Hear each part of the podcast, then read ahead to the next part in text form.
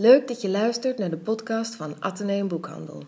Voor deze aflevering ging redacteur Marcella van der Kruk in gesprek met Floor Milikowski over haar nieuwe boek Een klein land met verre uithoeken. Een boek waarin Milikowski een treffend tijdsbeeld schetst van Nederlandse dorpen en steden. Luister mee naar dit gesprek over Emmen en Eindhoven, over het verschil tussen theorie en praktijk, de taak van de journalist en het tragische dier, de mens.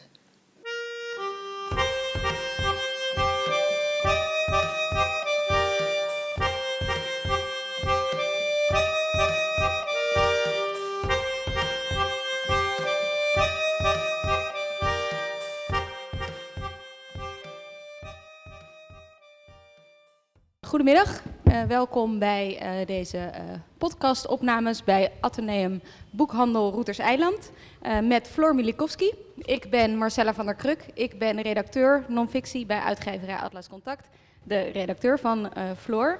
En het is buiten ontzettend warm, maar hier binnen hebben we ijsjes en is het gelukkig uh, goed te doen. Uh, we zitten bovendien tussen de boeken, dus dat is volgens mij de ideale omgeving voor een goed gesprek over een boek.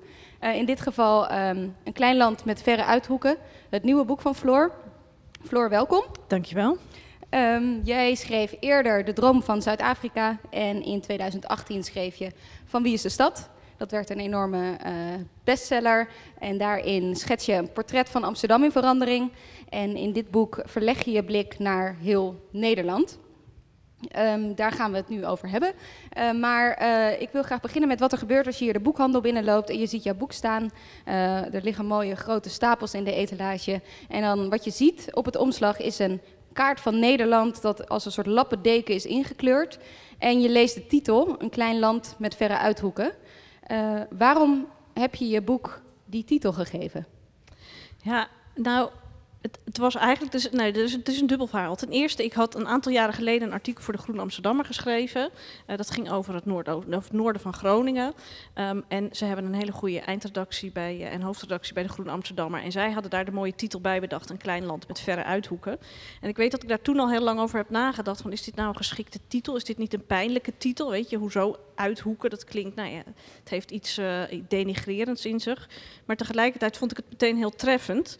Um, en vanaf het moment dat ik wist dat ik daar een boek over ging maken, is dat, is dat een van de titels geweest die, bij me, die, die is blijven hangen als, als, mogelijke, als mogelijke titel. Omdat het zo treffend beeld schetst van dat kleine land dat we zijn, met die zeker in internationaal perspectief zeer beperkte afstanden. En tegelijkertijd die enorme verschillen in aandacht en in perspectief die er zijn. Dus dat er, of het nou in, in, in Amsterdam is of um, in Den Haag, waar de besluitvorming plaatsvindt, dat je merkt dat er zo weinig aandacht relatief is voor die plekken die inderdaad op fysieke afstand liggen. En die gevoelsmatig toch een uithoek van het land zijn. Dus um, ja, het, het, het, is een, het geeft eigenlijk het contrast weer tussen, tussen nou ja, enerzijds dat kleine land dat we zijn en het gebrek aan aandacht naar, dat naar die uithoeken toe gaat. En krijg, wat je zegt, ik, dat je eerst een beetje bang was dat het uh, negatieve reacties op zou roepen. Is dat, gebeurt dat? Nou, ik had met name voordat het uitkwam een aantal mensen, mijn schoonouders die in Dronten wonen, die, die hadden zoiets van hoezo uithoeken. Uh, hoewel die zelf vinden dat ze heel centraal wonen, want die wonen eigenlijk geografisch gezien best heel centraal. Um, uh, maar die, mijn schoonvader komt uit Friesland en die vond, dat een beetje, ja, die vond het een beetje denigrerend. En ook van, van anderen hoorde ik in het begin, voordat het verscheen, van hoezo uithoeken. In combinatie met de omslag, en ik weet niet of jullie de omslag goed hebben bekeken, maar een deel van de uithoeken valt eraf. Nou ja, dat is dus eigenlijk ja, ook best een kwestie. En op een gegeven moment kreeg ik daar ook een boos bericht over. En toen heb ik gezegd dat, was, dat het symbolische, uh, bewuste overweging is geweest. Omdat het alles zegt over de uithoeken die dus buiten ons blikveld zijn gevallen. Dus daar houden we ons aan vast. Ja, nou, laten we dat uh, in deze, de rest van het gesprek dan ook doen. um, je ondertitel is uh, Ongelijke kansen in veranderend Nederland. Die ongelijke kansen zijn misschien ook wel een reden dat er mensen uh, reageren op de uithoek, om de uithoek te zijn. Um, als je het boek leest, dan zijn er eigenlijk steeds een aantal thema's die terugkeren. Uh, die zowel uh, die ongelijke kansen veroorzaken, die er het gevolg van zijn. Um, als jij, wat, wat zijn volgens jou de belangrijke thema's waar we op dit moment in Nederland mee te maken hebben en die in je boek terugkomen? Nou, je ziet gewoon heel erg dat er dat, dat we in de decennia na de Tweede Wereldoorlog hebben we heel erg spreidingsbeleid gehad. Of het, het spreiden van economische kansen, zowel uh, regionaal, gemeentelijk gezien als, uh, als gewoon individueel. Dat het idee was, iedereen moet gelijke kansen hebben, iedereen moet mee kunnen komen. En dat ging, nou ja, dat hele verzorgingsstaatverhaal was dat natuurlijk ook. Hè. Iedereen moet gewoon, ja, het moet eerlijk zijn voor iedereen. En uh, dat zat heel diep geworteld, ook tot in het onderwijs met middenscholen en zo. En vanaf eind jaren 80, begin jaren 90 zijn we eigenlijk heel ander beleid gaan voeren. Helemaal gericht op het versterken van de meest kansrijke delen van het land. En dat was omdat we internationaal veel meer moesten gaan concurreren met andere landen. Dus Gerrit Wagner, de CEO van Shell, die zei toen op een gegeven moment in advies aan uh, het kabinet Dries van Acht, zei die, don't back the losers, but pick the winners. Dus zet niet maar in het, op het ondersteunen van de kansarme delen van het land, maar zet in op het versterken van de meest kansrijke delen van het land. En dat zijn geworden Amsterdam Schiphol, Rotterdam en de haven. Dus later is daar de Brainport-regio Eindhoven heeft zich daar zelf eigenlijk tussen gevochten uh, en, is een derde kernregio geworden. Maar je ziet dat de aandacht daarmee uh, niet meer uit is gegaan naar die kansarmere delen van het land. En dat dat in, in combinatie met een versnelde trek naar de stad eigenlijk, die sneller is gegaan dan verwacht was, en, de opkomst van de kennis en de netwerkeconomie, dat dat heeft geleid tot enorme verschillen in, in, in, in werkgelegenheid, in kennis, in kapitaal, in dynamiek, in allemaal dat soort dingen, tussen een plek als Amsterdam, waar alles steeds meer, steeds duurder, steeds rijker, steeds uh, uh, overweldigender wordt, en een plek als Emmen of Delfzijl of Sittard, waar alles beetje bij beetje afneemt en waar een soort van neerwaartse spiraal gaande is, die heel moeilijk uh, te keren is. Ja, want je boek leest uiteindelijk, ook kan je daar eigenlijk niet om onderuit als je het hebt gelezen, te concluderen dat dat neoliberale denken, dat Rutte denken als in, in het recht van de sterkste, of de sterkste komen boven de rijven en trekken de rest wel de rest wel mee, dat dat eigenlijk failliet is. Ja, dat heeft, gewoon, dat heeft natuurlijk goede dingen opgeleverd. Het neoliberale, neoliberale denken toen destijds, eind jaren tachtig, was een reactie op een enorme overheid die ook een soort van uh, individuele ondernemerschap, individueel in ondernemerschap en het ja, kapitaal genereren van kapitaal ook deels tegenhield. Dus iets meer marktwerking en iets meer nou ja, uh, vrijheidsdenken of zo, dat, dat kon toen zeker geen kwaad. Maar je ziet dat dat gewoon zo ver doorgeschoten is en dat in combinatie met, uh, ik bedoel, we hebben Lubbers gehad, we hebben toen Kok hè, met de ideologische veren die afgeschud werden en de PvdA die eigenlijk ook meeging in die derde weg, in dat uh, neoliberale denken. Toen kregen we Balken en dan natuurlijk met dat hele conservatieve eroverheen en vervolgens Mark Rutte met een man zonder visie, de e extreme, ultieme pragmaticus, die Nederland ziet als de BV Nederland. Nou, dat zegt natuurlijk alles. En het gaat alleen maar inderdaad om rendementen en om zo efficiënt mogelijk zoveel mogelijk winst maken. De koek moet groter, zegt hij altijd. Maar het is ook wel heel veel zeggen dat zelfs Rutte nu, niet zo lang geleden zei, maar de koek moet misschien ook iets beter verdeeld worden. Want daar is het natuurlijk misgegaan. Die koek is groter geworden, de economie doet het supergoed, maar daar profiteert maar een beperkt gedeelte van het land echt, echt van. En, en, en da, dat, ja, dat is natuurlijk ook pijnlijk, wat je ziet dat ja, er zijn bepaalde groepen die extreem rijk geworden zijn. Er zijn bepaalde groepen die er niet of nauwelijks op vooruit zijn gegaan. Ja, precies. Want puur als je naar de economische cijfers kijkt, dan is het in Nederland de afgelopen jaren na de crisis eigenlijk best wel goed gegaan. En wat jij in dit boek laat zien, is, is heel helder inzichtelijk maken wat er misgaat. En waarom toch uh, die, die ongelijkheid steeds meer toeneemt. Ja, en dat is ook een paar weken geleden, twee weken geleden, had ik een artikel in de Groene Amsterdammer, een essay als soort van voorpublicatie. En daarin haalde ik ook Barbara Baarsma aan, nu uh, directeur van de Rabobank, en die afgelopen jaren vaak bij uh, de Wereldrijd Door onder andere zat. En die, die steeds met echt de beste bedoelingen en heel oprecht vertelde van ja, maar het gaat wel heel goed met Nederland. Dat we zijn rijk, we zijn welvarend, we zijn gelukkig, iedereen is erop vooruit gegaan, iedereen kan drie keer per jaar op vakantie, iedereen heeft een flatscreen tv. We moeten de mensen gaan vertellen dat het wel goed met ze gaat. Maar het zit hem natuurlijk in veel meer dan drie keer per, per jaar op vakantie en een flatscreen tv. Het gaat erom of je het gevoel hebt dat je eerlijke kansen krijgt om jezelf te ontwikkelen, om je te ontplooien, om de mogelijkheden die je hebt te benutten. Uh, of je het idee hebt dat je kinderen dezelfde kansen gaan hebben als kinderen bijvoorbeeld in de Randstad. Of je het idee dat je hebt dat je serieus genomen wordt in de problemen die je hebt, zoals de boeren met hun boerenprotest, wat natuurlijk verschrikkelijk was hoe ze dat gedaan hebben. Maar wat wel logisch is dat die boos waren dat ze nou ja, best wel een tijdje, ik weet niet, het is niet voorgelogen, maar wel, ze zijn aan het lijntje gehouden. En ineens was het jammer, joh, zoek het maar uit. Dus je merkt heel erg, en dat, merkte ik ook heel erg tijdens die, die, die reizen die ik door het land maakte, dat er gewoon heel veel boosheid en verdriet en teleurstelling op heel veel delen in het land heerst over ja, het gevoel in de steek gelaten te zijn. En dan zit je weer met dat kleine land in die verre uithoeken. Dat zijn vaak ook verre uithoeken waar ze denken, wij hebben hier gewoon hele praktische obstakels waar we mee zitten. En in Den Haag is daar gewoon geen aandacht voor. Ja, want vanochtend werd, werd je in een uh, interview in NRC, um, werd je vorige boek van Wie is de Stad uh, genoemd, uh, of daar werd jij beschreven als een chroniqueur van veranderend Amsterdam. Um, en eigenlijk ben je in dit boek ook weer een, een chroniek van een land in verandering ja. aan het schrijven. Ja, en dat is ook wat ik altijd zelf gewoon, waarom ik het ook doe en wat ik leuk vind om te doen en wat ik ook mooi vind om te doen, is te laten zien hoe die enorme grote trends en ontwikkelingen, en vaak grote internationale en nationale trends en ontwikkelingen, hoe die uitwerken op het alledaagse niveau van mensen die daar het maar mee te doen hebben. Dus ik heb veel inderdaad bestuurders gesproken die gewoon zich afvragen, hoe, hoe dan? Hè? Hoe moet je hier nou mee omgaan? En ook bewoners die, ja, het, het, ik, ik, ik hou ergens, er zit heel veel schoonheid in tragiek.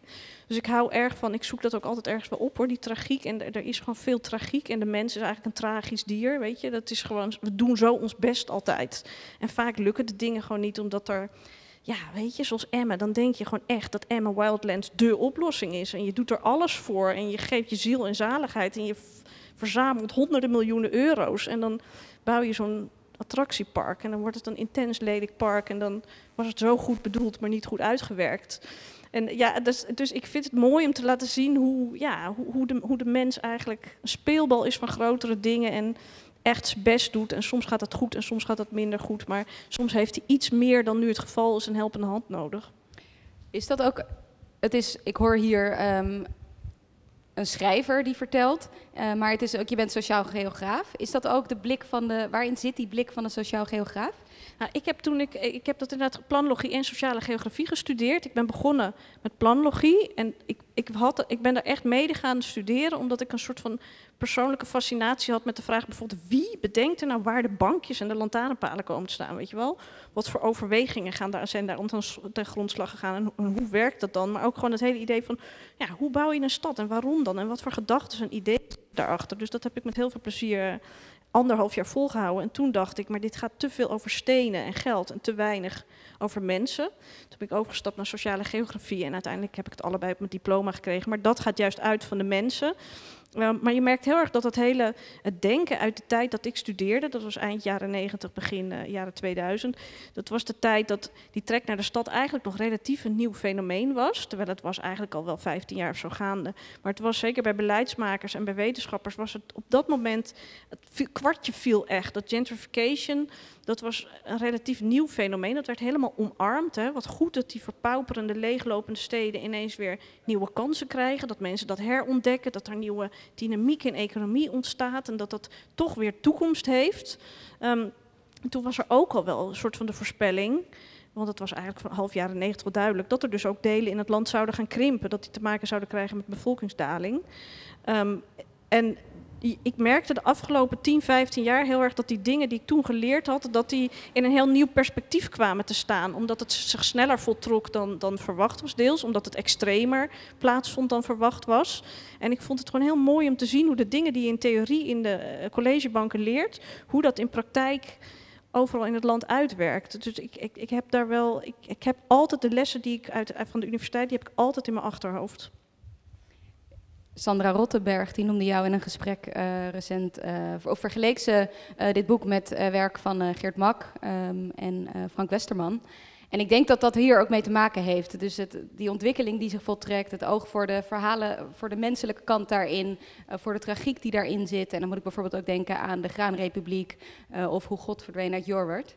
Wat, wat, vond jij, wat vind je van die vergelijking? Ja, ik vind dat, ik vind dat heel leuk. Nou, het is natuurlijk heel eervol om dat te horen. En uh, ik bewonder Geert Mark heel erg. En uh, ik, ik, uh, het gekke is, ik, ik, ben geen liefhebber van zijn. Van, ik ben geen liefhebbende lezer, omdat ik vind dat hij voor mij met mijn eigen kennis te veel invult. Maar ik ben een enorm bewonderaar, omdat hij misschien dus wel het vergelijkbaar doet als, als wat ik doe.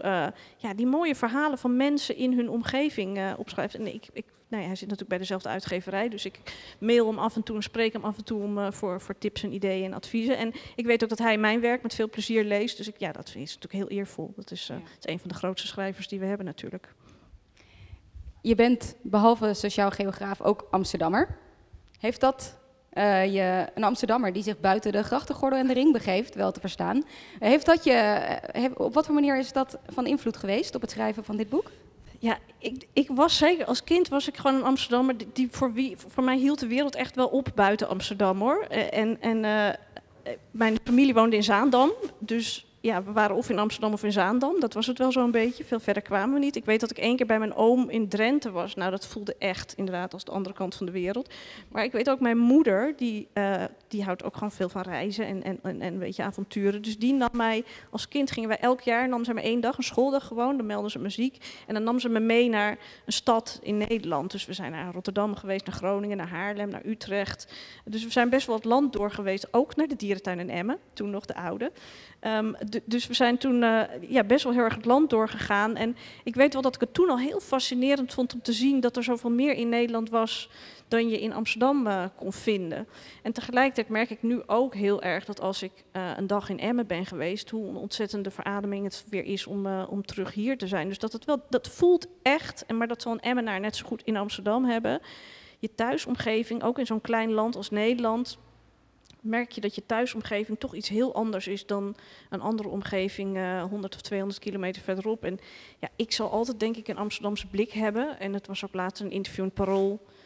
Ja, eh, Michiel Cousy die me interviewde, die zelf ook, nou hij komt uit Landsmeer, maar hij heeft net als ik op Barlees gezeten. Dus hij heeft ook wel als parooljournalist heel erg die Amsterdamse blik. En hij ging de hele tijd maar door in dat interview over Amsterdam. Terwijl ik wilde het hebben over Nederland, maar hij ging de hele tijd door over Amsterdam. En toen heb ik ook gezegd, onder andere, ja, het zou goed zijn voor de rest van Nederland als hoogopgeleide Amsterdammers ook op andere plekken zouden gaan wonen om daar de gemeenschap op te tillen. Um, en dat kreeg ik een hele boze mail van, uh, van de gemeentesecretaris uit Zaandam, die hier woont, notabene, en hier ook heel lang gewerkt heeft. Maar dat merkt, geeft wel de gevoeligheid aan. Het is altijd, ja, je merkt het ook als ik in Emmen kom, denk je toch eerst, hey, die Amsterdamse journalisten, uh, even kijken of dat... Uh, maar dat heeft zo ook zijn charme natuurlijk, die, die, culturele botsingen. En je moet het toch samen doen. En dat is de essentie van samenleven, denk ik ook. Respect en begrip voor elkaar hebben. En zoeken naar, naar, naar een gemeenschappelijke visie en toekomst en uh, draagvlak. Ja, en daar, daar probeer ik op, met, met dit boek ook wel echt aan bij te dragen. Maar er is dus geen plek waar je bent geweest waarvan je denkt, nou, misschien dat ik nog wel een keertje daarnaar verhuis. Ja, nee, ik denk heel vaak, zou ik maar weg willen verhuizen, dan zijn er zoveel mooie plekken. Um, waar je voor heel weinig geld heel groot kan wonen. Maar ik ben hier zo, uh, ja, ik hou te veel van deze stad en van de, van de hele de dynamiek en de reuring en de drukte. Maar ik vind wel dat er, dat er echt heel veel mooie plekken zijn en dat daar te weinig aandacht voor is. En wat ik ook in het parool zei en wat ik uh, vaker zeg, ook als ik met ambtenaren praat en, en wethouders. Je zou de regio Amsterdam of de rest van het land veel meer moeten benutten bij woningbouwopgaven en bij, uh, weet je, het, het voldoen aan woonwensen van mensen. Er is een soort van obsessie, zeker hier in Amsterdam, met Amsterdam. Waardoor er ook topambtenaren zijn die oprecht denken dat als je alle Nederlanders zou vragen waar zou je het allerliefste willen wonen, dat ze allemaal zouden zeggen in Amsterdam. En die dat, dat zeg maar echt denken. En dat is zonde, want ik merk nu ook, en dat, dat moet natuurlijk blijken met corona, hoe lang dat duurt. Ik merk nu ouders van school dat er ineens best wel een trek naar leuke, kleinere steden. Weet je, Zutphen, Deventer, Amersfoort. Uh, nou ja, het gooien is natuurlijk altijd, maar dat is weer helemaal terug. Dat je merkt dat er toch wel naarmate daar ook meer stedelijke voorzieningen komen, die 15 jaar geleden misschien alleen in Amsterdam te vinden waren, deels. En ik noem altijd het voorbeeld, goede cappuccino is gewoon, kan doorslaggevend zijn of iemand in Amsterdam blijft wonen of toch kiest voor Zutphen. Um, je zou, we zouden die blik wel weer iets moeten verruimen en niet meer zo obsessief kijken naar je hebt of Amsterdam, Utrecht, uh, Eindhoven, Rotterdam, of anders ben je daar buiten en dan heb je gefaald. We zouden dat wel weer iets meer als één geheel kunnen gaan zien. Hey, Jeroen noemde net al even de coronacrisis uh, en natuurlijk de technologische ontwikkelingen van de afgelopen jaren. En ik begrijp nu dat je, jij wel een beetje verwacht dat die van, van invloed zullen zijn op misschien toch de trek uit de stad. Ja, ik vind het heel moeilijk, omdat bij de vorige crisis dachten we natuurlijk ook hè, dat alles ging anders. Maar als iedereen weer normaal mag doen, dan doet hij weer heel snel uh, wat, hij, wat hij daarvoor deed. En Floris Alkemade, die ik interviewde voor De Groene, die zei... als dit nou anderhalf à twee jaar aanhoudt, dan zou het kunnen dat dat echt...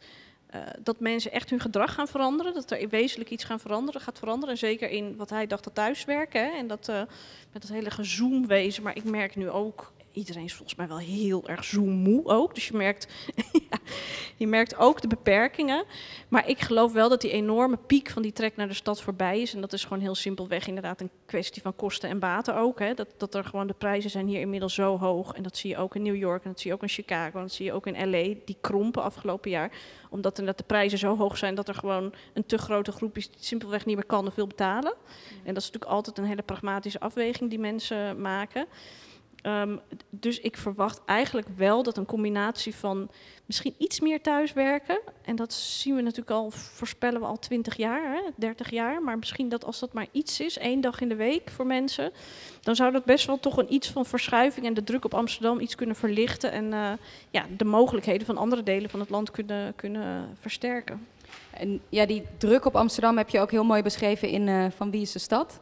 Uh, en ook dat boek is eigenlijk net als uh, dit boek uh, ontstaan uit stukken die je schreef voor De Groene. voor dit boek ben je al sinds 2011 door het land aan het trekken en onderzoek aan het doen en mensen aan het spreken. En um, ik vroeg me af, wanneer had jij nou het gevoel, want Van Wie is de Stad is eigenlijk tussendoor gekomen. Wanneer had jij het gevoel met dit onderwerp van dit boek, Een klein land met verre uithoeken, dat je iets te pakken had? Of dat je zag, hé, hey, maar zo vallen die puzzelstukjes in elkaar. Ik zie ineens het patroon en daar wil ik het fijne van weten. Ja, nou, ik zat er laatst, ik weet niet meer, het was een radio eh, Drent. Want het leuke is dat ik word nu sinds dit boek, ik word echt alle regionale omroepen die willen met me praten. En die ervaren het echt als een enorme verademing dat er eindelijk eens geschreven wordt eh, over die problematiek in andere delen van het land. En ook de schoonheid in andere delen van het land. Het gaat natuurlijk niet alleen over problemen. Maar toen vroeg iemand dat ook. En toen dacht ik, ja, volgens mij eigenlijk al op het moment dat Van de Stad af was, wist ik dat dit boek er ook moest gaan komen. Omdat ik ook, iedereen sprak me aan als, nou ja, chroniqueur van Amsterdam. En dat is heel eervol en dat ben ik ook met, met veel trots, zeg maar.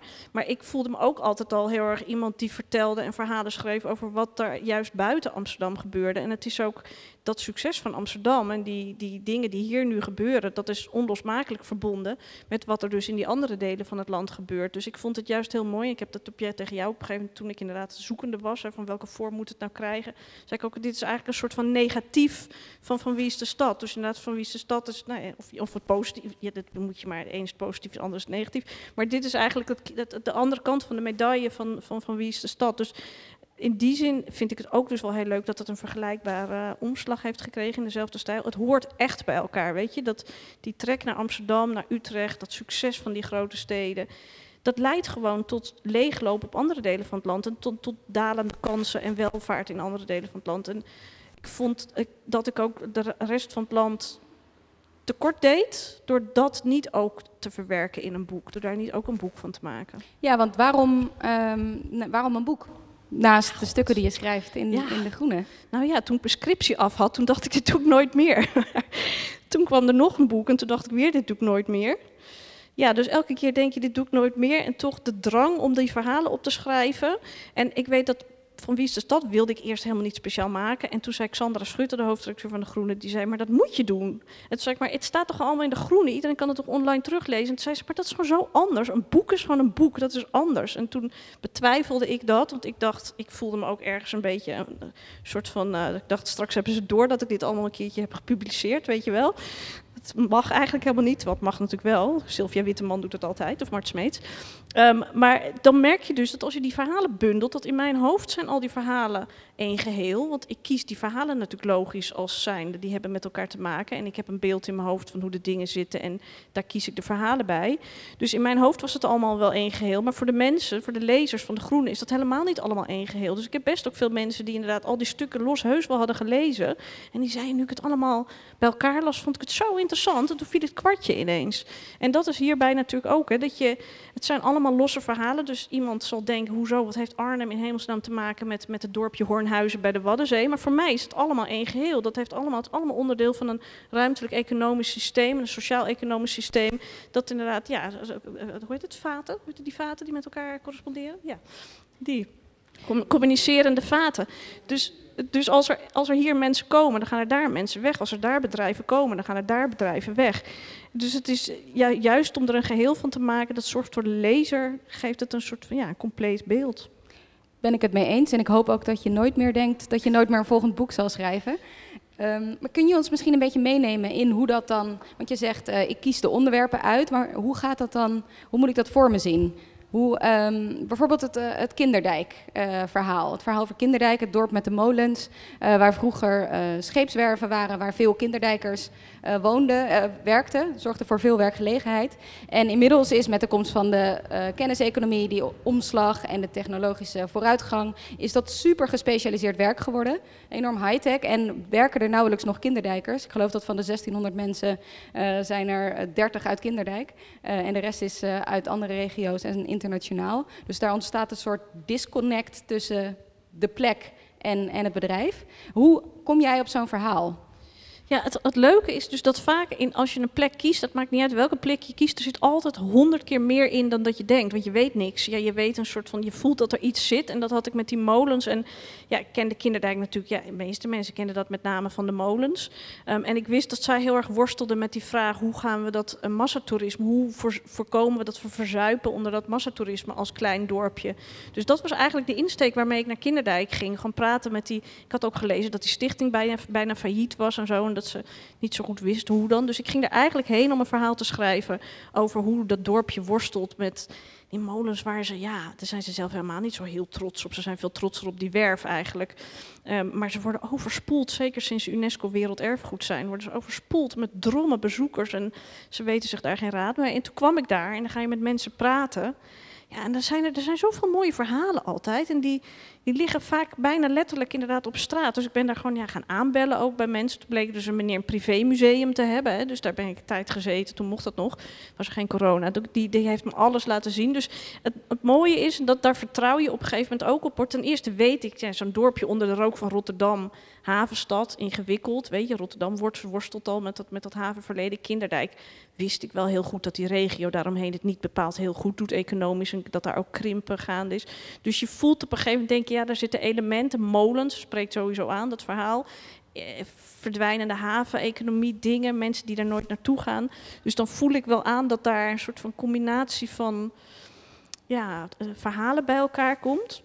En dan is het echt een kwestie van goed luisteren en goed kijken en, uh, en je ogen en je oren open houden. En dan, ja, dan komt het altijd vanzelf. Dat is, altijd, dit is wel de schoonheid van dit vak. Dat je, ja, je krijgt zoveel mooiere verhalen dan je van tevoren had kunnen bedenken. En, en dan is het weer mooi dat je dan zelf als een soort van God mag bedenken hoe je die verhalen weer uh, aan elkaar verknoopt. De schrijver als God. Zijn er ook, uh, is, er, is er een verhaal dat het boek niet heeft gehaald waarvan je nu denkt, oh, dat vind ik toch, dat vind ik wel heel jammer? Nou, wat ik heel jammer vind is dat uh, ik het hoofdstuk, het verhaal over Almere, dat in Van Wie is de Stad staat, dat dat niet in dit boek staat. Dat vind ik heel jammer. Ja, ik, ik weet, wij hebben stiekem nog overlegd. Dan kan ik dat niet twee keer publiceren, maar dat ging net te ver. Maar dat is eigenlijk een schakelverhaal. Had een sleutelhoofdstuk kunnen zijn. Wel in, het gaat over inderdaad Almere, die stad vlak bij Amsterdam. Die had het helemaal moeten worden. Enorme plannen. Werkt het helemaal niet. Want trek naar de stad, geen suburbanisatie meer. En die vindt zich nu toch weer opnieuw uit. Um, daar zit nu weer een heel ander soort van experimentele dynamiek uh, die mogelijkheden biedt. En ontwikkelaars die toch weer zien van ja, dat ligt toch wel dicht bij Amsterdam nu die stad groeit. En dat had eigenlijk een heel mooi sleutelverhaal hier ook in uh, kunnen zijn. Dus, dus dat dacht ik achteraf, wat in Van Wies dat ook goed past hoor. Maar dat had ik hier wel uh, graag in, in willen hebben. En daarnaast heb ik wel getwijfeld. Ik had ook voor De Groene een heel mooi artikel geschreven over duurzame steden. Uh, ja, maar ik dacht, ik moet het beperken. Ik moet het echt afbaken, want je moet niet te veel doen. Dus het is ook wel goed. Het is goed dat het niet. Uh, het heeft een precies goede dikte, volgens mij. Ja, ik, ik vind het een lekkere, lekkere dikte. Ja. Toch? Dit is toch uh, uitnodigende uh, dikte? Ja, het moet niet te dik worden. Hey, want Almere is, noem je een schakelverhaal. Um, wat me eraan doet denken dat er natuurlijk, we hadden het over Kinderdijk waar het moeilijk gaat, maar er zijn ook winnaars in dit verhaal. En één daarvan is Eindhoven. Vind ik een heel mooi zelf. Kun je iets vertellen over wat daar is gebeurd, waardoor het daar wel lukt? Ja, Eindhoven, dat was, uh, vind ik een heel mooi verhaal, een bijzonder verhaal. Dat Eindhoven aan het begin van de jaren negentig was die gemeente echt uh, op de rand van een faillissement. Ging helemaal niet goed. DAF was failliet gegaan. Philips had enorme massa ontslagen omdat die fabrieken allemaal naar andere landen verhuisden. Um, en de gemeente Eindhoven had hele slechte perspectieven. En, en met die deindustrialisatie was het heel erg de vraag ja, of, of, dat nog wel wat ging worden. En toen was er eigenlijk uh, burgemeester Rijn Welsjen, die zat daar en die heeft uh, samenwerking gesloten met het bedrijfs, lo lokale bedrijfsleven, met de Kamer van Koophandel ook uh, en, en, met de TU Delft, voorzitter van de TU Delft toen. En die zijn samen een hele hechte samenwerking aangegaan, een triple helix constructie heet dat dan heel hip, met onderwijs, bedrijfsleven en, en overheid en kennis. En die hebben met een hele heldere visie en met enorme daadkracht en, en overtuigingskracht hebben die Um, dat wat er natuurlijk nog zat, want Philips was weliswaar kleiner geworden en, uh, en, en DAF was verdwenen. Maar er zat natuurlijk heel veel. Die, daar, die fundamenten daaronder, die waren er nog. Dus er, was, was van alles wat Emmen dus niet heeft, omdat dat kunstmatig is opgepompt door de Rijksoverheid. Dat zat er nog wel. En zij hebben precies heel goed aangevoeld hoe ze die elementen die nog aanwezig waren in de stad. En wat uiteindelijk ook met, met industrieel vastgoed, industrieel erfgoed te maken had. Hoe ze dat konden bundelen tot een heel krachtig uh, basis voor een, voor een high-tech netwerkeconomie. Um, en het interessante is dat je kan je natuurlijk heel veel afvragen wat als Rijn Welsje niet burgemeester was geweest en wat als die, die, die zaadjes die daar natuurlijk waren of die, die kiemen die daar natuurlijk waren, wat als die er niet waren geweest, wat, waar had het dan toe geleid? Maar het leuke is wel dat het onderzoek van een onder andere planbureau voor de leefomgeving heeft uitgewezen dat beleidskeuzes in dat soort vaak echt wel belangrijk zijn voor succes of geen succes. Dus je ziet dat ze daar precies goed gevoel hebben gehad voor wat de potentie was voor de regio. En dat ze dat op een perfecte manier hebben, hebben uitge, uitgewerkt. En eigenlijk tegenovergestelde is het in die zin van wat ze in Emmen hebben gedaan. Daar wilden ze ook heel graag. Zaten hele daadkrachtige bestuurders, hè, die wilden heel graag. Maar die hebben eigenlijk het verkeerde gekozen om, uh, om mee aan de slag te gaan. Namelijk een attractiepark waar niemand nu heen wil. Terwijl er waarschijnlijk in Emmen allerhande andere mogelijkheden en kiemen zijn... waar je wel degelijk op had voort kunnen borduren. Ja, want dat attractiepark is niet gelukt. En ik, zat, ik, heb, uh, ik was op de website van het uh, Drents Museum aan het kijken, want daar komt een grote Frida, Frida Kahlo tentoonstelling. Uh, die is uitgesteld door corona en dat vond ik erg jammer, maar nu moet ik nog even wachten. en er zijn natuurlijk best wel veel musea in, in Drenthe, in Groningen, de Fundatie. Er zijn allemaal hele mooie voorbeelden van nou ja, niet randstedelijke musea waar het wel goed gaat. Waarom, waarom lukt het dan met die musea wel? Ja, je, nou ja, Nederlanders zijn hele reislustige types ook met dagjes uit. Hè? Dus, dus volgens mij bijna alle musea in Nederland doen het ongeveer goed, omdat er zoveel mensen de hele tijd weer op zoek zijn naar een nieuw uitje. Dus dat is altijd wel, je komt vanzelf wel bij het Drents Museum terecht, als je bovendien zeker de. Want er zijn ook regionaal gezien echt goede musea. Hè? Dat is best uh, bijzonder. En ik vond het ook heel leuk dat de Raad voor Cultuur nu heel bewust in zijn nieuwe beleid voor 2000 tot 2023 heel bewust regionale spreiding heeft uh, gekozen. Dus ook dat Groningse ballet, dat wel, of dansgezelschap, dat wel krijgt, krijgt ten opzichte van Scapino. Heel zielig voor Scapino hoor. Maar dat vind ik wel een mooie keuze. Hè, van, van stimuleer juist dat wat in de regio ook is. Maar je ziet in die zin dat er in Nederland, en daarom is het ook soms zo storend dat er gedaan wordt, ook alsof de gebieden buiten de Randstad zo weinig te bieden hebben. Er is zoveel moois. Ook Drenthe, nu iedereen niet naar het buitenland kan.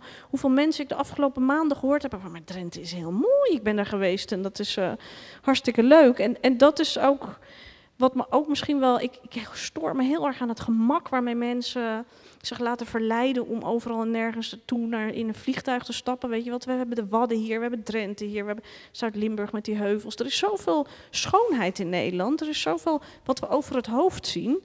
En die musea ook, dat is zo'n zo rijkdom die we hier hebben. En, en ik denk dat als je daar iets meer vanuit Den Haag ook in investeert om dat ja, iets meer op de kaart te zetten dat we en voor die, van die enorme druk op de stad af kunnen gaan raken misschien wel. En dat we die potentie in die andere delen van het land veel beter kunnen benutten. Wat dat betreft verschijnt je boek ook wel op een ontzettend interessant moment. Want nou ja, we hebben met die coronacrisis denk ik dat er veel meer mensen in Nederland op vakantie uh, zullen gaan. En eigenlijk blijkt uit dat uh, subsidiebeleid ook al wel dat er iets van een kentering in de regionale spreiding weer uh, zichtbaar is. Um, en we krijgen natuurlijk uh, in maart 2021 uh, verkiezingen. Yes. Hoe, hoe zie je dat? Hoe kijk je daar naar uh, vanuit? Nou, ik, ja, ik, ik vond het al heel gek de afgelopen jaren dat er zo weinig echte aandacht was voor krimp. Je ziet wel dat er nu vergeleken met, met een aantal jaren geleden veel meer aandacht is voor die, voor die worstelende regio's. Dus je hebt nu regio-deals die vanuit Den Haag gesloten worden met verschillende regio's om toch daar nou ja, meer te doen dan de afgelopen jaren gebeurd is. Maar wat ik met name wel hoop is dat er weer eens iemand durft een visie te hebben op een gegeven moment. En dat is eigenlijk meer in algemene zin dat je hoopt dat we weer eens iemand met een visie krijgen. En dat hoeft niet zoals Rutte, die ziet een visie als een blauwdruk voor de toekomst. Maar een visie is voor mij een stip aan de horizon waar je met z'n allen uh, ja, die richting geeft aan waar je met z'n allen als samenleving naartoe gaat. En vervolgens met heel veel ruimte om dat, om dat in te vullen. Het zou gewoon mooi zijn als we het weer Nederland heeft een hele sterke planningstraditie en dat heeft keerzijdes gehad, want we zijn groeikernen gaan, gaan ontwikkelen waarvan je heel erg kan afvragen, is dat nou een goed idee geweest? En uh, de, stad, de groei van de stad tegengehouden was misschien ook niet altijd even goed idee. Maar we hebben een hele sterke traditie in het verbinden van de verschillende lagen van de samenleving en de verschillende delen van dit land. En dat heeft uh, echt een heel sterk gelijkheidsbeginsel zit daarachter. Maar dat heeft ook, zorgt ook voor, voor balans in een samenleving. Weet je, of het nou de Black Lives Matters of de boerenprotesten. Je ziet gewoon dat er spanningen oplopen, omdat het 30 jaar lang ieder voor zich is geweest. En niet een gezamenlijk doel, maar een ieder voor zich doel. En het zou gewoon heel mooi zijn als we weer eens iemand krijgen in Den Haag. Of meer een wind die gaat waaien. Weet je, dat hoeft niet in Den Haag te ontstaan in de samenleving als geheel. Van dat we het weer samen willen doen, dat we weer nou, eerlijker delen misschien. Dat klinkt zo... Uh, ik kan me nog heel goed herinneren dat wij een keertje een gesprek hadden. En volgens mij was dit um, toen we het hadden over van wie is de stad. En uh, toen was uh, Donald Trump net verkozen en toen was ik in mineur. En je had eigenlijk een vrij hoopvolle insteek op dat moment, omdat jij zei van nee, maar je ziet, je ziet op rechts dat er zo'n verhaal is, zo'n collectief verhaal waar geloofd in wordt. Maar jij zei nee, ik zie toch ook weer dat dat besef van het belang daarvan ontstaat op links of van een socialer verhaal. Maar als ik dit zo hoor, dan begrijp ik dat we het vier jaar later nog niet zo heel veel verder zijn gekomen. Nee, we zijn wel verder. En dat is echt, ik merk echt in. Eh, maar ook als je kijkt wat er in Amerika gebeurt, nu gewoon. Het, het, weet je, rechts heeft het conservatief nationalistisch rechts heeft gewoon heeft een hele dominante positie gehad in de hele westerse wereld de afgelopen jaren. En je weet dat, dat daar komt een tegenreactie op. Want het is niet zo dat, progressief, dat de progressieve mens niet meer bestaat, maar die was misschien een beetje in slaap gedommeld. Um, en dus je weet dat er een, dat er een tegenreactie komt. Bovendien was, die, was dat succes van conservatief nationalistisch rechts was natuurlijk het gevolg van sentimenten die heersten. Maar ik merk dat er de afgelopen jaren dat er zoveel meer ja, er bruist weer veel meer. Of het nou ambtenaren zijn, of gewoon uh, of, of, bestuurders, of wetenschappers. Je voelt gewoon dat er meer idee weer is over waar we naartoe moeten met de toekomst. En dat er wel de, grote angst voor de weet je, energietransitie, klimaatverandering. Eh, we hebben grote hobbels, hebben we toch wel zijn we aan het nemen. Technoloog, die technologische revolutie is natuurlijk best beangstigend. Dus er is heel veel angst geweest. Uh, dat dan die enorme kloof tussen, tussen arm en rijk die, die gegroeid is. Dus je ziet dat het bewustzijn van die problemen is veel groter geworden. Dus er wordt serieuzer werk van gemaakt. En dat betekent ook dat mensen weer durven hoop te hebben voor de toekomst. En wanneer er hoop is voor de toekomst, dan krijg je ook meer progressieve, ja, dan krijg je weer progressieve idealen. En iemand als, als Alexandra Ocasio-Cortez natuurlijk in Amerika, maar ook Sigrid Kaag hier nu, dat vind ik in die zin wel uh, ja, symbolen voor, uh, ja, voor zo'n nieuw, nieuw toekomstbeeld. Is het ook voor jou een van je drijfveren bij het schrijven van dit boek? Of, of heeft dit boek een missie? Heb jij een missie? Ja, nou, ik, ik, heb, ik ben zelf dus getrouwd met een vrouw, dus ik ben altijd dat ik op mijn hoede ben voor te veel onrust in, in een samenleving. Want je weet dat je een kwetsbare groep bent, relatief.